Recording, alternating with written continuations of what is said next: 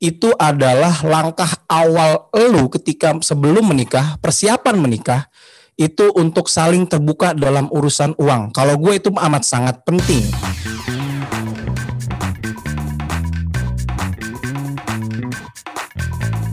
Hi, everybody. Welcome back to Dompet Millennial. It's me, Samira, and I'm with Sammy. Sam, how are you doing? Hey, I'm doing well. Okay, so um, mau ingatkan bahwa Sam itu lagi di Amerika. Dia udah pulang kampung lah ceritanya ya, Sam. Dia udah pulang kampung. Jadinya kita uh, bertemu lagi di Zoom. But uh, alhamdulillah well, berdua kita lagi sehat. We're good, right? Ya, yeah. ya lumayan ya pulang kampungnya biasa orang mungkin 2-3 jam naik pesawat yang ini kejauhan kali ya. ya. Masih jet lag nggak? Udah udah nggak ya? Masih dikit-dikit lah, not not dikit -dikit. Oke. Okay. Yeah. Well, well, you know, aku uh, tetap semangat ngadain podcast ini with you Sam, my um, you know, my co-host. Uh, jadinya uh, beberapa minggu ini one of the things that I realized ya, Sam, kan PSBB kedua udah apa? Udah stop lagi kan. So one thing that I realized is lagi banyak banget wedding Hmm. Did you realize that? I don't yeah, know if you realize that. Tapi lagi banyak banget. No, banget no, wedding. Notice sih, maksudnya kalau orang kirim di sosmed uh, lumayan juga maksudnya uh, it's still in season juga ya maksudnya. Iya, yeah, it's still in season. Dan ini yang I'm not gonna name any names, tapi over the weekend kemarin adalah sa salah satu toko ini uh, I don't know dia ada wedding 10 ribu orang yang datang. But anyways, itu another day we'll we'll discuss. Talk about it, yeah. So one of the things I'm I'm wondering is like kenapa sih orang nggak bisa nunggu gitu tapi like they really just want to have a family now maybe karena corona every couple jadi long distance kan mm -hmm. jadinya they just yeah. wanna be together yeah, but anyways oke okay. long story short hari ini I'm really excited dan kita mungkin lebih banyak ngomongin pernikahan dan keluarga dan lain-lain with our guest speaker. Yeah. And he's a family person juga. Dia salah satu podcaster dari obrol obrolan Babibu. Um, I'm really excited. Esa Mahendra. He's coming. Nah dia nih bisa ngajarin kita jadi podcaster beneran, wow. Sam. Kita kan masih masih amateur nih, Sam. Yeah. Jadinya wow. dia bisa kasih kita tips sekaligus kasih kita tips tentang uh, family life and everything karena he's one of the very apa ya mesra dengan istrinya juga. Waduh. Iya dan dan dia salah satu apa content creator yang lumayan seru-seru dia kalau kalau ngelihat apa Instagramnya atau dengerin podcastnya. Jadi uh, Esa, yes. how are you? Halo, halo, halo, halo Semi, halo Samira. Luar biasa, senang berkenalan dengan kalian berdua. Tapi memang luar biasa sekali podcast ini ya, langsung memberikan beban yang luar biasa terhadap saya. Enggak, enggak, Yang paling penting di podcast ini, uh-huh. me and Sammy memulai dompet milenial buat belajar dan buat yeah. belajar sama orang-orang yang mungkin lebih pengalaman dari kita yeah. dari di sisi apa pun, di hmm. industri hmm. apa pun. So, um, one of the things that we want to learn from you is like, um, you know, a little bit mungkin bisa kasih background tentang Esa sendiri okay. gitu. Kalau gue mungkin buat pendengar dompet milenial belum dengar konten gue di Spotify mungkin bisa search obrolan babibu dan di YouTube juga ada YouTube channel kami obrolan babibu. Um, biasanya obrolan babibu itu memang tadinya kami ingin sebagai media antara gue dan istri gue Anka yang biasa kami panggil Bibu, jadi gue dipanggil Baba, terus istri gue dipanggil Bibu karena memang itu panggilan anak kami. Niatnya cuma sebagai media untuk kami sama-sama healing dengan beberapa dengan masalah-masalah beban yang memang masalah rumah tangga yang menimpa keluarga kami pada saat itu. Dan akhirnya seiring berjalannya waktu satu tahun berjalan kurang lebih kami memulai di 2000, Maret 2019 berarti tahun lalu kami memulai mulai um, bikin konten upload di YouTube. Dan sampai detik ini perkembangannya sih Alhamdulillah obrolan Babi Bu sekarang makin ke arah serius Samira dan Semi. Jadi sekarang tadinya kami cuma berdua gitu gue dengan Anka bikin konten, bikin video untuk di Instagram, bikin konten untuk di YouTube, bikin konten podcast sampai akhirnya Babi Bu berkembang segitu um, besarnya nggak besar banget sih untuk untuk takaran dari dua orang jadi sembilan orang in total kan besar kan ya dalam kurun waktu yeah. satu tahun gitu. Dan konten yang biasa kami omongin memang tadinya ngomongin rumah tangga, tapi ternyata dari dari cara gue dan istri gue untuk ngobrol itu ternyata masuk juga ke generasi yang memang di bawah di bawah gue umur gue kan 32 ya umur gue 32 nikah sudah Nah kalau tadi ngomongin nikah, gue nikah sudah berarti jalan lima tahun nih. Desember tanggal 27 nanti gue anniversary yang kelima insya Allah. Gitu. Dan konten-kontennya memang seputar percintaan ada karena memang banyak pendengar atau yang nonton babi ibu tuh teenager, dede-dede gemes, dede-dede TikTok, dede-dede wasyah gitu kan tangannya kan Dede-dede, iya. Lagi zamannya ke situ ternyata besar sekali uh, pendengarnya uh, karena memang yang kami omongin rata-rata ngomongin percintaan, ngomongin cinta beda agama, quarter life crisis, uh, tidak direstui orang tua, percintaan teenager gitu paham gak sih kan? Very iya, ya lihat ya gitu tapi dari sisi Kalau keluarga juga ngomong sebelum nikah kayaknya hmm. semua tuh drama kayak semua tuh kayak life and death situation banget kan setuju kayak kalau misalnya nggak bisa dapet cinta tuh kayak sampai kayaknya setelah kita menikah hmm. jadinya kita lebih adult jadinya masalahnya itu lebih ke pengaturan yes. financial yes. pengaturan domestik ya kan betul Nah, kita udah ya because kita kan udah kayak menang lah, yeah, kita yeah, udah yeah, yeah. Men, apa men, jatuh cinta, terus kita menang dengan nikah, yeah, yeah. terus sekarang lah PR kita berarti kan? Ya ya ya ya. Semi semi relate nggak nih dengan obrolan kita berdua nih? Semi itu masih single berarti. Nah. Jadinya dia sebenarnya kan kita lagi ngomongin jatuh cinta sebelum menikah jatuh cinta tuh kayak love apa ya kayak benar-benar drama banget kan. Ya, ya, Tapi ya. setelah menikah itu sebenarnya that's where the story starts sejujurnya. Kan? Setuju, kan? setuju, ya, setuju. Drama-drama yang terjadi ketika pacaran itu ternyata ketika kita sudah menikah, hey, apa itu drama-drama nangis-nangis putus sama mantan yeah. ternyata itu belum seberapa dibanding ketika kita sudah menikah ternyata problematikanya ternyata jauh lebih besar jauh lebih kompleks gitu cuman secara tidak langsung memang yeah. pola pikir kita dipaksa untuk yuk kita problem solvingnya harus seperti apa nih. Jadi case by case-nya sudah sudah berbeda. Kita sudah step up ketika sudah berumah tangga gitu, sudah menikah. Apalagi nanti ketika sudah punya anak, wah makin lagi tuh level yeah. up iya. lagi problemnya. Karena investasi kita tuh every decision that we make itu salah satu investasi di hidup, yeah. di diri kita, di pasangan kita, mm-hmm. dan di uh, apa ya di future kita mm-hmm. sebenarnya kan. Yeah, yeah. Dan like yeah, so it's all intertwined juga. Ya, yeah. tapi mungkin hari ini kita mau ngomongin tentang financial, which sebenarnya orang tuh pasangan tuh pisahnya karena dua kan. Okay. Yang nomor nomor satu tuh seks, nomor dua tuh financial, X money gitu kan. Yeah, yeah, yeah. Itu betul. Setuju gak sih, Esa? Kalau ngomongin seks, itu mungkin aja gitu. Terus kalau memang masalah uang juga ini yang sekarang lagi banyak kejadian di circle terdekat gue sih terutama karena memang ketika um, ngobrol gitu ya sama teman yang memang sudah berumah tangga obrolan tentang ngomongin finansial kan ada kadang hal-hal yang sensitif tipis-tipis gitu tapi kalau lo sama sahabat yeah. kan lo lebih nyaman kan nah itu yang terjadi mm. sekarang di diri gue ketika um, Mbak Bibu ini sekarang sudah punya kantor jadi kita sering ketemu um, dengan tim banyak tuh cerita-cerita yang memang background story-nya memang permasalahan keuangan dalam rumah tangga, dalam keluarga. Dan itu yang terjadi, itu yang realnya terjadi, yang beneran bikin pusing kepala. Nah, itu. Sam, jadi lo harus siap-siap, Sam. Iya, iya. Aku sih banyak banget maksudnya belajar ya. Kan aku kakak-kakak aku udah lebih tua dari aku, jadi selalu dapat tips-tips dari mereka. Tapi menurut Esa, is it karena kayak uh, insecure orang mungkin ngebahas apa uh, pride juga ngomongin income yeah. uh, penghasilan uh, how to spend kayak kayak tadi dibilang it's very personal banget ya jadi yeah.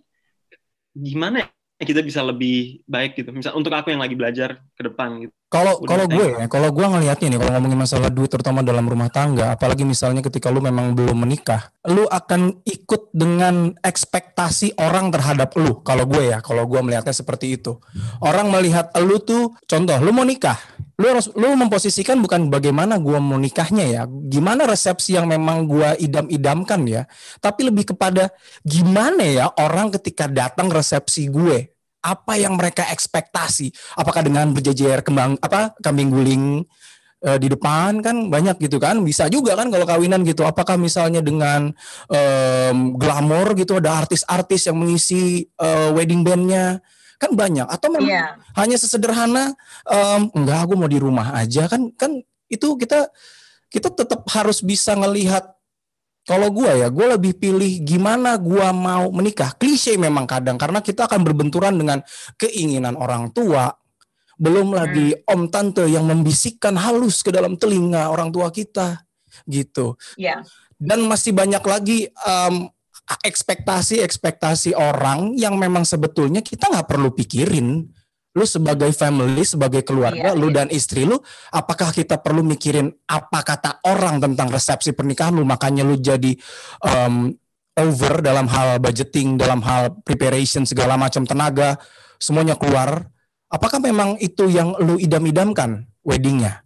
pernikahannya. Kalau memang gitu ya, kalau memang gue menyebutnya istilahnya kalau memang lu dari keluarga yang memang backgroundnya rich by nature gitu ya, um, lu kaya raya gitu dan bapak lu memang mau menjamin pernikahan lu mewah-mewahan, it's okay. Itu memang rezeki lu, yeah. privilege lu. Tapi kalau misalnya ternyata lu adalah yang tipenya kayak gue yang memang gue ngumpulin rupiah demi rupiah dari hasil pekerjaan gue, dari keringat gue, sampai darah kali ya tulang diperes apa hmm. aja kita kita kita lakukan untuk kita bisa nabung untuk pernikahan begitu pula dengan istri gue pada saat itu kami bekerja tiap ada ada job masuk saya job ambil walaupun waktu itu kerjanya masih um, Senin sampai Jumat gitu ya kerja kantoran gitu walaupun kami kerjanya di radio tapi apa pun kami lakukan ketika ketika itu urusannya ngomongin budget pernikahan nah, iya. pada saat itu mungkin gue di posisi yang gue memposisikan gimana orang lain melihat resepsi pernikahan gue ya hmm.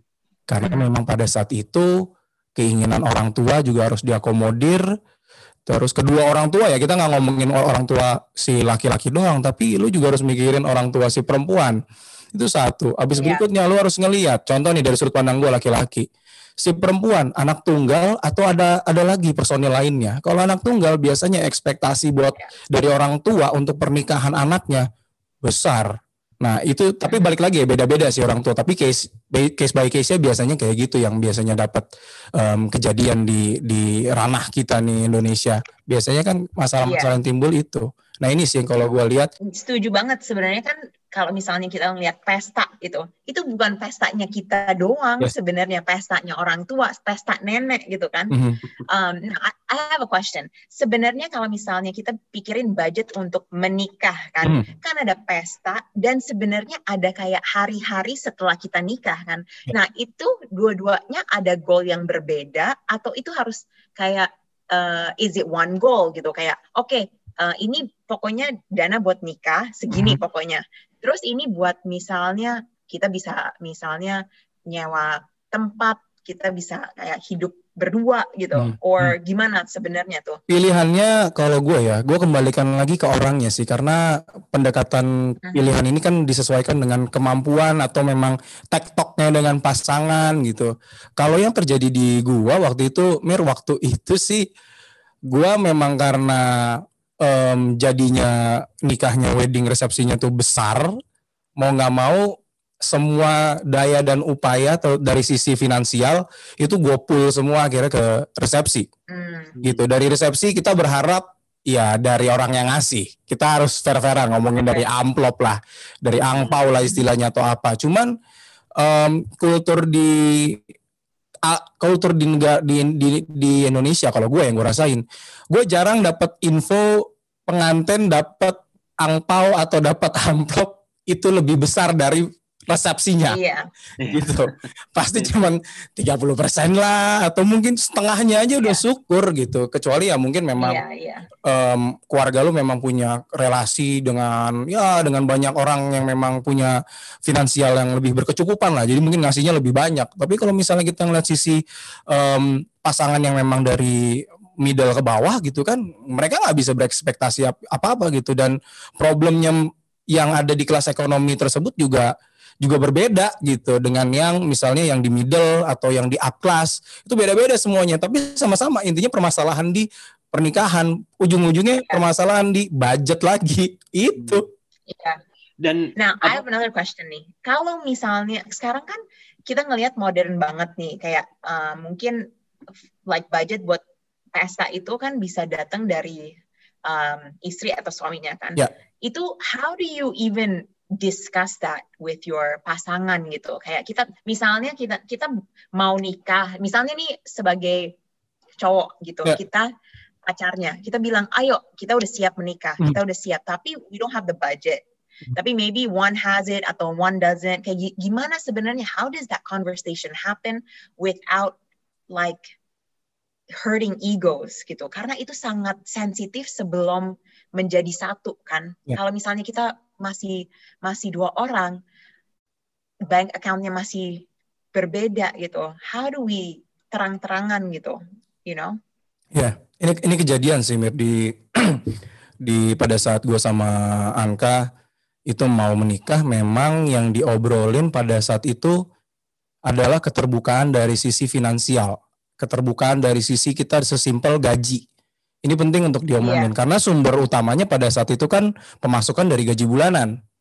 Yeah. Gitu. Yeah. Kalau gua pada saat itu memang itu adalah langkah awal elu ketika sebelum menikah, persiapan menikah itu untuk saling terbuka dalam urusan uang. Kalau gue itu amat sangat penting walaupun sebenarnya ada hal-hal yang um, sensitif tapi ya udah lu harus omongin karena ini kan yang akan jadi pasangan lu sampai seumur hidup gitu insya Allah gitu kan sampai yeah. sampai ajal menjemput gitu. Jadi lu jangan yeah. jangan ngomong jangan ditahan-tahan gitu. Kecuali kalau memang lu ada kontrak gitu nikah kontrak gitu ya cuma dua tahun gitu. Amit amit. Emang ada kayak gitu? Nggak tahu. Mungkin mungkin mungkin masih ada ya. Mungkin masih ada. Mungkin atas kebutuhan tertentu kan kita nggak nggak tahu juga kebutuhan orang. Kalau misalnya memang kebutuhannya ya udah seumur hidup karena memang kita sama-sama saling mencinta, kita sama-sama saling menyayangi, kita pengen karya yang serius, ya udah langkah serius itu diimplementasikan menurut gua ya. Salah satu faktor yang, yang harus dibicarakan adalah ngomongin masalah keterbukaan finansial. Ini yang ini yang ini yang harus lu udah mulai duluan. Karena apa? Ketika lu nggak mulai di, di, di persiapan pernikahan, lu bakalan keteteran nanti ketika lu sudah menikah. Ujung-ujungnya jadi main kucing-kucingan gitu. Istri lu akan selalu stalking pengeluaran lu, terus lu pun jadi iya. diam-diam kalau lu mau beli barang yang lu suka nggak apa-apa sih. Kalau gue ya bebas-bebas aja kalau lu punya punya kecenderungan seperti itu. Tapi kalau dari sisi gue, gue nggak nyaman kayak gitu. Hmm.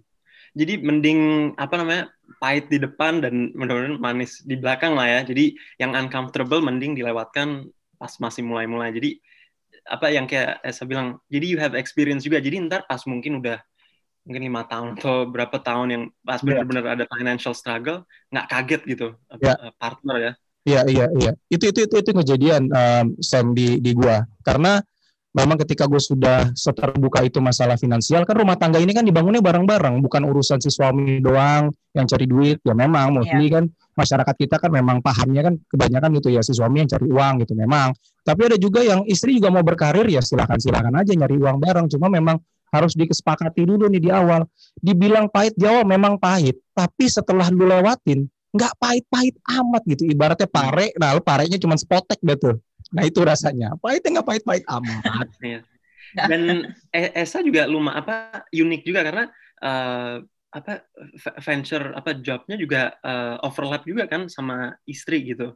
Uh, ha, kayak itu gimana? How how is that experience been? Karena most people kan uh, their job ya ada ada apa beda ya maksudnya sama uh, ada barrier. ya, ya. beda gitu. Sekarang overlap banget. Iya. Ya kalau kalau gua pada saat itu gini. Hmm ini gua gua harus gua harus amat sangat terbuka nih. Jadi ini nih tapi ini penting buat buat um, pendengar pendengar kita yang sekarang lagi ngedengerin ini penting untuk mungkin bisa dijadikan um, pembelajaran gitu ya jadi ketika gue sama-sama Anka masih kerja kantoran sama-sama di radio ya. Di radio kurang lebih Anka lebih lama sekitar 12 tahun gitu karena dia dari jadi penyiar itu um, sudah dari zaman SMA gitu kuliah segala macam jadi lama gonta-ganti gue jadi produser sampai akhirnya jabatan terakhir program director di waktu itu di salah satu radio Jakarta dah shifting gue terjadi ketika memang gue memutuskan untuk oke okay, gue sudah ada di tahap untuk karir ya. Ini, ini buat yang belum menikah nih, ini ini akan the next lesson nih. Ini ngomongin karir ketika lo sudah menikah. Gue ada di tahap memang gue sudah, gue kayaknya nggak nggak udah nggak bisa ngapa-ngapain lagi deh dan perusahaan tempat gue bekerja kayaknya gak, udah nggak bisa lagi mengakomodir kebutuhan dari sisi kreativitas gue gitu karena kan memang gue pekerjaannya kan di bidang kreativitas gitu di kreatif industri kreatif akhirnya gue cabut pada saat cabut pun gue jobless hmm. Gue nggak punya uang sementara ini sebelum atau sesudah menikah ini sesudah menikah kejadiannya. Oke. Okay. Jadi gue sudah menikah, kerja di radio, ter, uh, istri gue kerja di mana, gue kerja di kantor gue sama-sama di radio tapi beda gitu ya. Tapi ada di satu titik memang gue harus cabut dari kantor gue. Immediately, gue harus segera keluar gitu. Nah, pada saat itu juga di bulan jadi gue resign di Desember 2018 Januari 2019 gue sama Anka ngomongin itu itu adalah perasaan yang paling berat sebagai suami, sebagai seorang bapak. Karena gue udah punya anak satu gitu. Anak waktu itu umurnya kurang lebih sudah tiga um, tahun, sudah jalan tiga tahun waktu itu. Berat dong kepikirannya kan kita ngomongin anak nanti panjang lagi kita ngomongin masalah biaya pendidikan kita ngomongin masalah kesehatan dan lain-lain dah kebutuhan-kebutuhannya panjang tapi pada saat itu memang um, gue hal yang paling sensitif ngomongin gue ngomong nih aku sudah tidak punya penghasilan bulanan. Tapi kita punya pengeluaran bulanan, pengeluaran rutin, cicilan rumah, dan lain-lain lah. Variabel-variabelnya banyak. Itu pada saat itu gue sama istri gue duduk bareng, tengah malam kita ngomongin, kita breakdown bareng, kita listing apa aja pengeluaran kita. Ini nanti ketika lo yang mendengarkan sudah menikah, mungkin ini bisa bisa lo gunakan. Lo listing sepahit-pahitnya, telan aja, ada kan ada pride sebagai cowok dan juga sebagai suami ini buat yang cowok-cowok tenang gue juga sudah yeah. merasakan itu tapi untuk saat itu memang gue harus menurunkan sedikit ego gue sebagai seorang laki-laki karena memang fokusnya mimpinya rumah tangga ini jalannya bareng-bareng bukan gue sendirian bukan istri gue sendirian harus sama-sama jadi harus saling support menurut gue ya harus saling support Alhasil waktu itu untuk kebutuhan segala macam bisa di cover dengan istri gue memang ngambil job. Istri gue MK kan MC kan. Itu dia selain siaran gitu dia nge-MC. Akhirnya pada saat itu ada kali kita berapa sebulanan lebih lah. Itu angka slot MC-nya dalam seminggu itu mungkin dari Senin sampai Minggu tuh full semua ada. Ada kali itu jalan sebulan dua bulan lebih mungkin. Dan gue menjalankan peran gue sebagai seorang bapak seutuhnya. Gue ngurusin anak gue, Kion. Gue jadi gue jadi apa ya, bapak rumah tangga. Gue buat sebuat hmm. buat orang kita gitu ya Indonesia, bapak rumah tangga itu jabatan yang dipandang sebelah mata mungkin karena memang bapak itu memang harusnya kerja ke kantor gitu, bukan kerja di rumah. Yeah. Tapi alhamdulillah ketika memang gue sudah pola gua gua rapihkan dulu dalam sisi rumah tangga oke gua harus belajar juga dong rumah tangga itu nggak cuma ngomongin istri ngurus anak doang ibu ngurus anak doang ibu beberes rumah enggak lu harus lakukan itu juga lu harus feel rasa itu tuh lo harus lakukan gitu lo harus bantu gitu saling bantu. Nggak bisa iya. tuh kalau lo udah capek cari uang terus lo nggak mau main dengan anak lo ya bebas sih. Tapi kan anak kan investasi ya. Kalau gua sih dengan iya betul betul banget.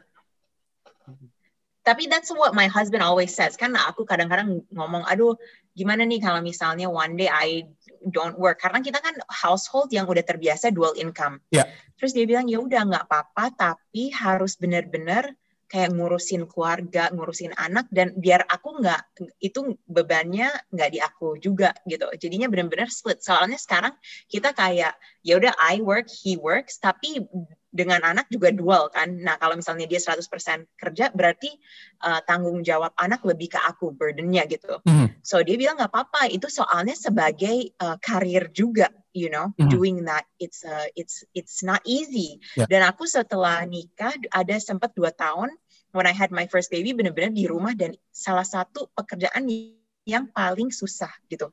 It's one of bukannya it's uh, it's emotionally kita kasih ya, yeah. tapi all of your time and engaging sama anak itu benar-benar you use your mental strength juga. Yeah. Jadinya aku aku ngerti banget Esa pasti jadi nambah empathy juga buat uh, angka kan? Iya, yeah, tentu. Ya. Yeah. Di situ di situ ketika gue sudah mulai gue tuh paling nggak bisa nyebokin anak mir gue tuh paling gak bisa. Kacau saya beneran. Nanti kalau kamu sudah menikah gitu rasakanlah sensasi-sensasi itu ketika memang sudah di, di, dikaruniai anak ya. Gue tuh nggak ya. bisa nyebokin anak. Ganti popok anak tuh gue itu adalah kalau nggak kalau nggak kalau boleh nggak kejadian nggak kejadian. Tapi kan kejadian gitu ya. Hmm. gitu anak itu ya. kan bukan robot. Gue nggak bisa gue nggak bisa dengan sabar nyuapin anak gue makan pada saat itu gue nggak bisa tahu dunianya gue nggak bisa tahu dan gue lost dengan proses tumbuh kembangnya itu kalau gue Iya. Jadi ketika gue nah, bekerja, ini mungkin, hmm, lanjut. Nah ini mungkin kayak pertanyaan yang agak uh, apa sedikit out ya. Tapi aku pengen tanya, um, when you were 100% as like a stay at home dad gitu, pastinya banyak kayak itu kan out of your comfort zone banget kan. Yeah. Um, dan pasti you learn a lot dan you learn a lot about yourself dan benar-benar menguji diri gitu kan. Yeah. How has that experience kayak uh, how has that experience contributed to your life sekarang gitu? Pasti kayak dalam mungkin pekerjaan dengan you know other people mungkin kayak kesabarannya lebih hmm. atau I don't know mungkin bisa ceritakan Gua dengan amat sangat bangga tahun ini gue bilang kalau I'm a proud stay at home dad. Itu adalah sebenarnya okay. janji gue ke istri gue Anka pada tahun lalu ketika kami sudah serius. Oke, okay, ketika yang tadi gue bilang, aku sudah tidak ada penghasilan, Anka akhirnya um, slot MC-nya dipenuhin, tapi bukan berarti gue tidak bekerja. Gue ngurus anak dan gue bikin konten pada saat itu karena memang hmm. fokus kita mungkin digital adalah jawaban dari kami untuk bikin untuk yeah. seterusnya gitu. Akhirnya kami tekuni walaupun belum ada kebayang kayak gimana tapi kami percaya akhirnya itu jalan.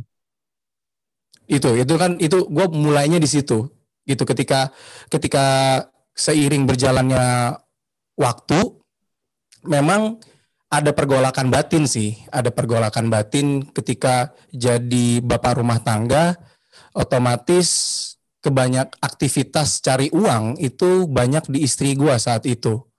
Tapi memang kesepakatannya adalah biarkan aku bekerja dari rumah sampai nanti um, perusahaan uh, bisnis ini jalan dari sisi bisnisnya jalan ya udah mulai generate money dan pelan-pelan kamu mulai ngurangin job MC kamu dan kamu mulai fokus ada di rumah untuk suami dan anak kamu gitu. Itu perjanjiannya di awal. Jadi kesepakatan itu gue dan istri sudah disepakati bersama gitu. Mhm. punya plan, oke okay, kita mau cari duitnya gimana sih gitu. Ini ini bisa dijadikan gambaran. Kita nyari duitnya mau kayak gimana sih rumah tangga ini? Oke okay, dari apa elemen apa gaji gaji bulanan kah? Nah kalau pada saat itu kan gue nggak punya gaji, elemen gaji bulanan, freelance, hmm. freelance totalnya. Istri gue nge-MC segala macam, gue bikin konten, bikin podcast segala macam, sampai uh, pada saat itu podcast belum bisa di generate money, di, belum bisa di monetizing sampai akhirnya mulai menjelang pertengahan 2019 sampai akhir tahun pelan-pelan industrinya mulai kebentuk, ekosistem podcast sudah mulai terbentuk, akhirnya generate money. Dan itu menjadi itu sesuai dengan apa yang sudah gua rencanakan, apa yang sudah gua impi-impikan gitu ketika podcast obrolan babi bu uh, generate money dan efeknya itu sudah bisa membiayai segala um, pengeluaran gitu. Walaupun Anka tetap bekerja gitu tetap MC segala macam um, jadi host webinar kalau sekarang kondisi pandemi kan IG live segala lah dilakukan. Itu ternyata pelan-pelan mulai mulai bisa tuh. Makanya um, bapak rumah tangga gitu bukan berarti um, cuman ngurus rumah aja ngurus anak aja. Yeah. itu jadi bagian job desknya. Tapi job desk yang lain yeah. tetap tuh tugasnya nyari uang. Nah, nyari uangnya gue pada saat itu ya ada pada saat ini juga ya dengan podcast dan konten digital yang obrolan babi bu punya gitu Mir Sam. Hmm. Dan dan pastinya it's like a a choice gitu. That's your choice that you want to do that. Ya. Itu adalah pilihan yang emang pada saat itu gua gua gua tipe yang enggak enggak pengen enggak suka dengan ada plan B. Gua. Yeah. Jadi gua cuma ada satu plan. gitu. Entah karena memang gue nggak bisa mikirin plan lagi saat itu karena eh hey, gue jobless loh gue nggak tahu apa yang harus gue lakukan. Background gue cuman radio gitu. Sedangkan gue mau radio mana lagi kalau gue cari duit gitu. Gue tujuh tahun di radio terus gue nggak punya ya gue ada sih pengalaman uh, nulis skrip untuk TV gitu. Pernah ada di Metro TV bareng sama Panji sama Raditya Dika gitu um, sama Ronald Surapraja provokatif proaktif. Kalau misalnya teman-teman pernah dengar di Metro TV ada waktu itu. Gue salah satu scriptwriternya cuman gue cuman itu doang gitu. Karena gue kalau nggak radio TV apakah gue akan bekerja di TV hmm, jawabannya tidak. Karena gue pasti akan hidup. Ya kita tahu lah orang TV kalau yang bekerja di belakangnya kan wah waktunya udah nggak nggak ada jam kerja karyawan yeah. gitu kan. Apalagi kalau lo dari sisi um, kreatif. Dan gue udah ngebayangin kalau gue di TV gue pasti akan ada di kreatif. Karena di radio gue di kreatif. Uh, kayaknya bukan opsi yang baik gitu. Terus gue ngeliat um, maintaining sosial media gitu emang bisa ya? Kok kayak orang ada selebgram KOL bla bla bla bla bla bla. Emang bisa ya? Akhirnya ya gue mulai mulai itu niat bikin video-video lucu-lucuan gitu sama istri pelan-pelan terus posting. Iya memang basicnya memang ya udahlah apa yang kita ada di rumah kita capture aja. Kita posting kok sama orang dapatnya happy banget lucu banget gitu. Sampai akhirnya ranah podcast juga kayak gitu makin banyak Berarti pada saat itu gue percaya kalau jalan yang gue pilih untuk gue menekuni as a digital creator, as a, untuk maintain gue punya digital content adalah jawaban dari doa gue yang tahun lalu gue ucapkan. Ya. Yeah. Ya, dan mungkin yang pendengar gitu yang mungkin masih muda di karir mereka yeah. bisa ngambil mudah-mudahan notes notes motivation dari Esa ya maksudnya aku dengerin aja it's a big challenge ya dan ya dan mungkin setelah udah lebih stabil gitu uh, sama Angka, is do you feel your bond itu lebih lebih stronger atau atau gimana? Oh ya tentu ketika lu saling terbuka dengan pasangan lu, ini kalau gue ya, hmm. sesensitif apa sih yang tadi kita ngomongin di awal? Ngomongin masalah keterbukaan finansial deh. Yang gue bilang gue jobless nih, gue nggak punya pekerjaan tetap. Apa yang harus kita lakukan? Sedangkan gue punya concern untuk gue tetap harus bekerja, gue tetap harus menafkahi istri dan anak gue. Itu kan adalah kewajiban sebagai seorang suami dan sebagai seorang bapak apa yang harus kita lakukan nih? Apa yang harus kita lakukan? Nah, pertanyaan itu tuh memang harus ditanyakan dulu oleh lu yang memang punya masalah. Abis itu kita selesain bareng-bareng. Kita kan punya pasangan hidup yang bisa diajak yeah. diskusi. Gitu. Kita nggak kita nggak fight sendirian. Banyak teman gue yang kejadiannya yeah. seperti itu. Mereka struggling dengan masalah keuangan karena memang mereka terbebani dalam tanda kutip ya, terbebani karena cicilan ini gue harus yang bayar, listrik gue harus yang bayar, rumah gue harus yang bayar, belum makan untuk bulanan, belum untuk anak, belum untuk istri gitu. Sedangkan istri ya memang haknya ketika dia bisa bekerja, uangnya uangnya gitu. Tapi boleh juga kalau istri punya call untuk ya uangnya gue bisa deh dipakai untuk kepentingan keluarga kita karena mimpinya kan bareng-bareng. Itu yang gue iya. terapkan, yeah. itu yang gue terapkan gue dengan istri gue gitu. Ada momennya memang uang tuh kecampur ini uang gue iya, uang lu ya karena kerjaan istri gue gue bantuin juga iya. gitu. Tapi ternyata Se sebenarnya itu pertanyaan pertanyaan ke depannya. Kan ada ada dua rumah lah kayak rumah yang uh, my money is my money his money is my money. Kan kayak gitu? Atau enggak his money is his money my money is his money. Kayak gitu kan yeah. kayak sharing gitu. Um, itu sebenarnya kalau misalnya uh, Eastern women gitu maybe they believe kalau kita kerja itu kan sebagai kayak bukan hobi tapi apa ya kita kan diajar mungkin emang tergant eh, itu suami yang tanggung jawab. Yeah. Tapi kayak aku su uh, suaminya orang Singapura, dia hmm. sangat lebih independen dan dia expectnya istrinya kerja dan istrinya juga taruh duit buat uh, kebutuhan rumah tangga kan. So hmm. dia ekspektasinya kayak gitu. Nah um, itu waktu kita pertama nikah tuh agak kayak uh, ini gimana nih? Kayak sebenarnya it's my money. Jadinya kayak jangan dong. Tapi dia expectnya ya enggak dong. Kayak kita sama-sama. Nah lama-lama emang aku ikut lah, aku mengerti gitu. Mm -hmm. Tapi itu benar-benar bisa jadi masalah kan, apalagi first two three years gitu yeah. bisa ada pasangan yang sangat perhitungan, mm -hmm. ya kan? Oke, okay, nggak nggak mau, jadinya tambah perhitungan, tambah perhitungan, akhirnya mereka saling lebih pelit lah atau misalnya I don't know, it just creates tension. Mm -hmm. Gimana caranya kalau misalnya kita baru have this conversation setelah menikah dan uh, what do what do we do kalau misalnya emang idealism kita itu sangat berbeda karena emang latar belakang kita dari culture atau society itu diajarinya beda gitu. What should we do sebenarnya? Kalau yang gue lakukan saat itu, Mir, ini adalah ngomongin kalau memang ujung-ujungnya kita ngomongin masalah finansial ya. Ini ini, ini gue berkaca dari pengalaman gue. Yang memang yang harus disepakati adalah apa yang pengen kita raih ketika kita menikah apa yang pengen kita capai ketika kita sudah berkerumah tangga.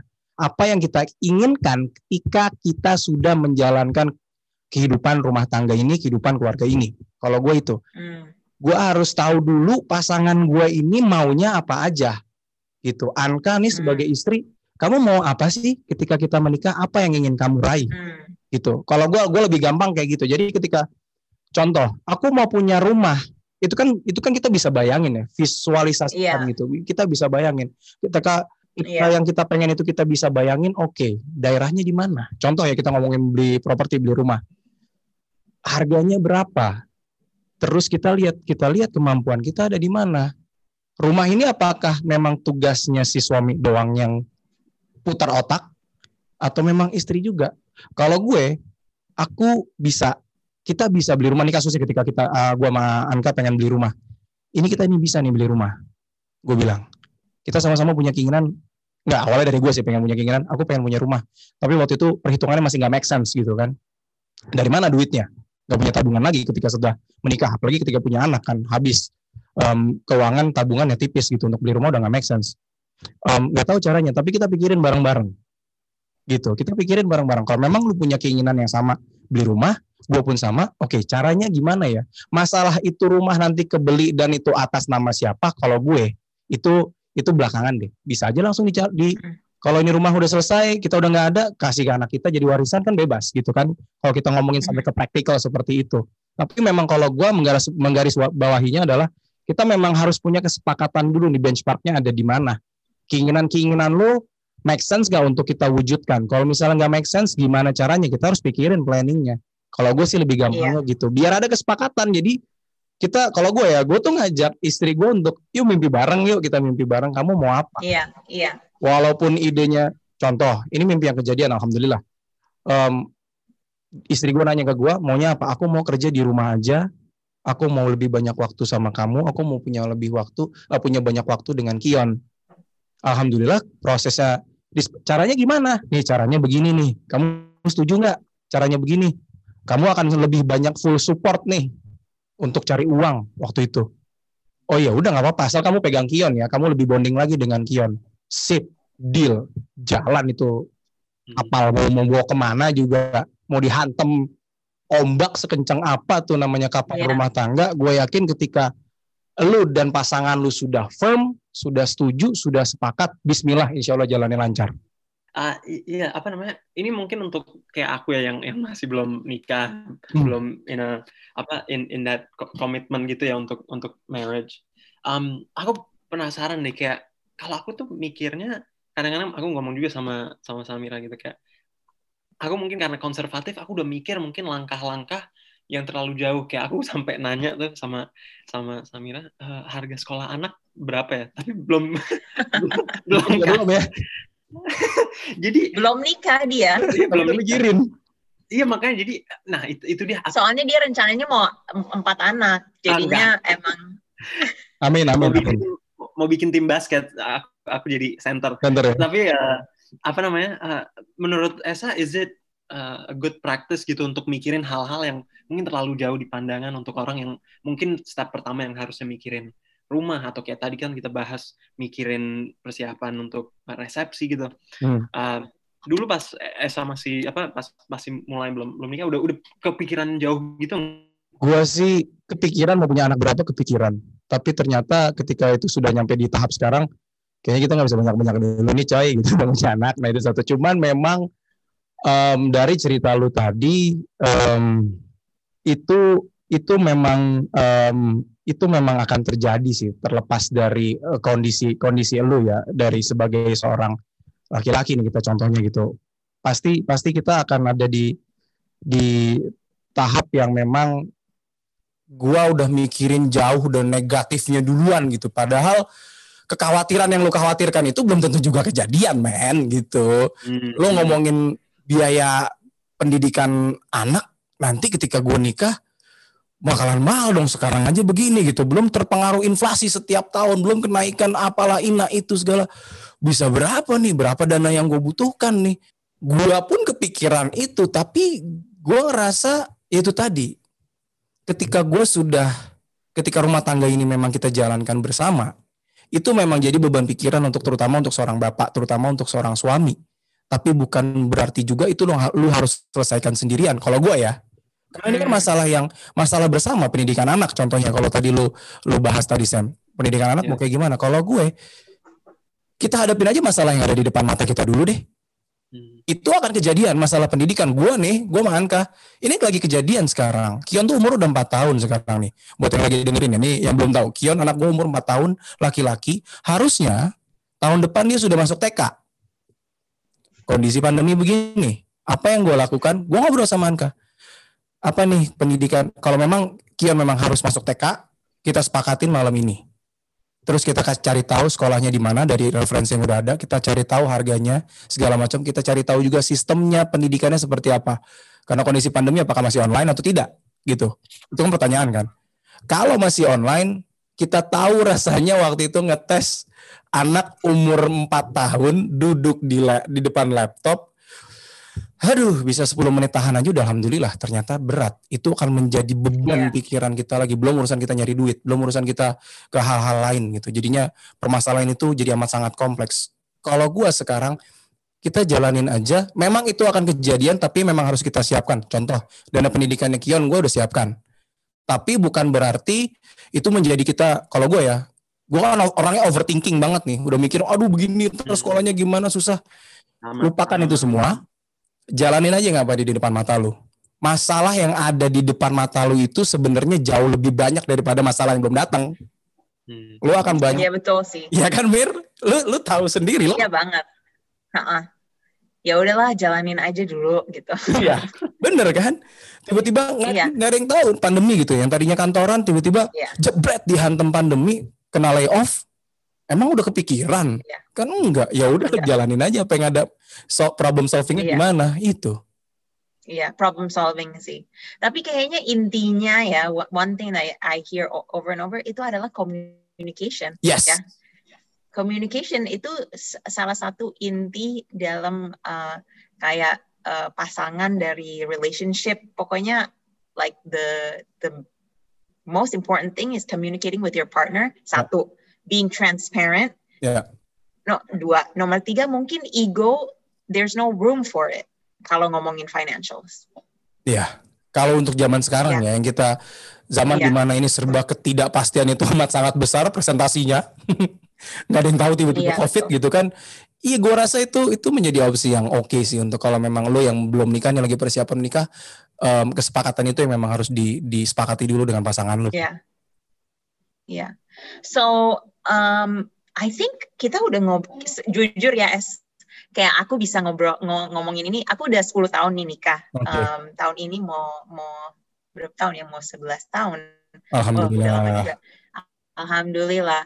Um, tapi kalau ngomongin tentang pernikahan tentang pasangan kayaknya tuh bener-bener apa pun pengen tetap belajar karena setiap tahun setiap bulan kita selalu bener-bener like we change and pasangan kita juga change yeah. gitu. So benar-benar di di I, I I love this conversation. Benar-benar I I love to learn from you juga gitu. Sama-sama. Um, tapi oke, okay, so I want to close it up with a couple of questions. Yang nomor satu adalah tips atau enggak advice mungkin that you would give yourself. Misalnya lima tahun yang lalu nih mau nikah nih. Mm -hmm.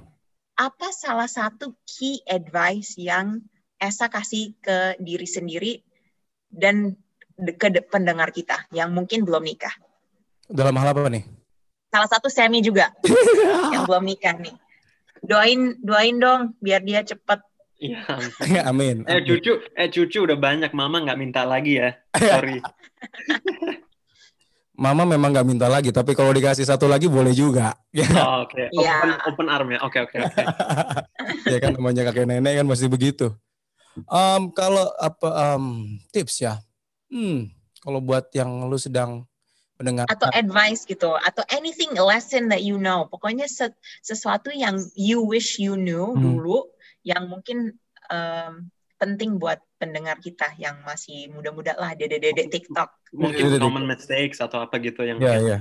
bisa dihindari kali kalau gue ketika pada saat gue ya itu tadi mulai dari pacaran terus akhirnya mulai step up untuk serius. Yuk kita ngomongin serius ke arah yang lebih lagi nih. Kita nikah, kita berkeluarga, sampai sudah menjalani pernikahan selama lima tahun,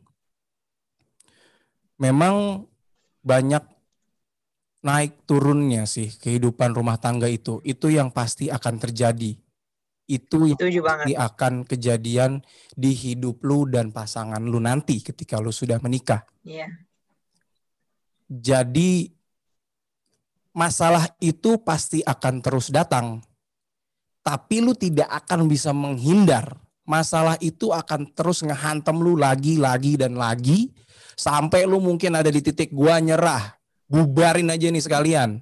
Lu pasti akan ada di, di titik itu. Gua mengalami itu. Tapi kan balik lagi pertanyaannya. Lu nikah itu untuk apa? Lu mau bersama pasangan lu sekarang itu untuk apa sih? Iya. Mau ke mana sih? Kalau memang lu komitmen punya, yuk kita jalanin rumah tangga ini, dengan amat sangat baik, pun ada yang salah kita bisa benerin, jalanin. Tapi jangan lupa kehidupan lu sebagai suami istri ini akan terus jalan dan sinergi antara lu sebagai suami atau lu sebagai istri nantinya akan terus jalan terus sampai lu punya anak, sampai nanti lu tua gitu ya. Yeah. Tapi kalau memang lu tidak punya rasa itu, Iya. Kita udah banyak lah dengar kasusnya. Baru setahun, dua tahun, bubar. Apakah lu pengen seperti itu pernikahan yang lu jalankan? Ya, bebas-bebas aja sih. Tapi kalau gue, gue lebih memilih gue bahagia dengan pasangan gue. Walaupun memang ombak yang gue bilang tadi tsunami kali akan terus yeah. hadir dalam kehidupan rumah tangga lu tapi ketika lu yeah. berpegangan erat ketika lu sama-sama yakin lu akan sama-sama mendorong push to the limit pasangan lu sampai memang mimpi lu bisa kecapaian, insya Allah sih semua akan baik-baik hmm. aja. Jadi, insya Allah insya buat kita semua hmm. dan pendengar semua. Ya. Oh, Jadi take iya. take away yang dari aku dengar juga tuh the, the goal ya harus benar-benar foundation yeah. it's, it's most important karena banyak banget kan karena Betul. kita dengerin kayak uh, ya udahlah kayaknya udah waktunya nikah atau enggak dapat yeah. pressure dari uh, orang tua gitu. Ini mungkin alasan-alasan yang uh, it, it can work out tapi mungkin not the ideal answer gitu ya. Jadi kita harus yeah. tahu juga ke depannya apa sih apa target yang tadi kayak Esa bilang target kita tuh visi kita, visi hidup kan. Yeah. Kita semua punya visi. Nah, visi itu align nggak sama pasangan kita dan mungkin mereka bisa mendorong kita mendapatkan visi itu dengan cepat mungkin dengan dengan visi itu lebih gede gitu. It's basically like how do we reach the dream together? Yeah. Itu dan kedua is our dream even the same? Tujuannya emang sama nggak gitu kan? Itu intinya. Anyways, gila S, I learned so much from you, beneran deh. Masa sih? Terima kasih loh. Iya iya benar. Libatkan. Ya. Benar banget. Boleh lah kapan-kapan kita kita ngobrol lagi lah kapan-kapan. Iya kapan-kapan kita kita yang kalau Sammy bisa ikut kalau misalnya udah nikah. Itu ini khusus yang udah nikah. Super pressure. Anyway.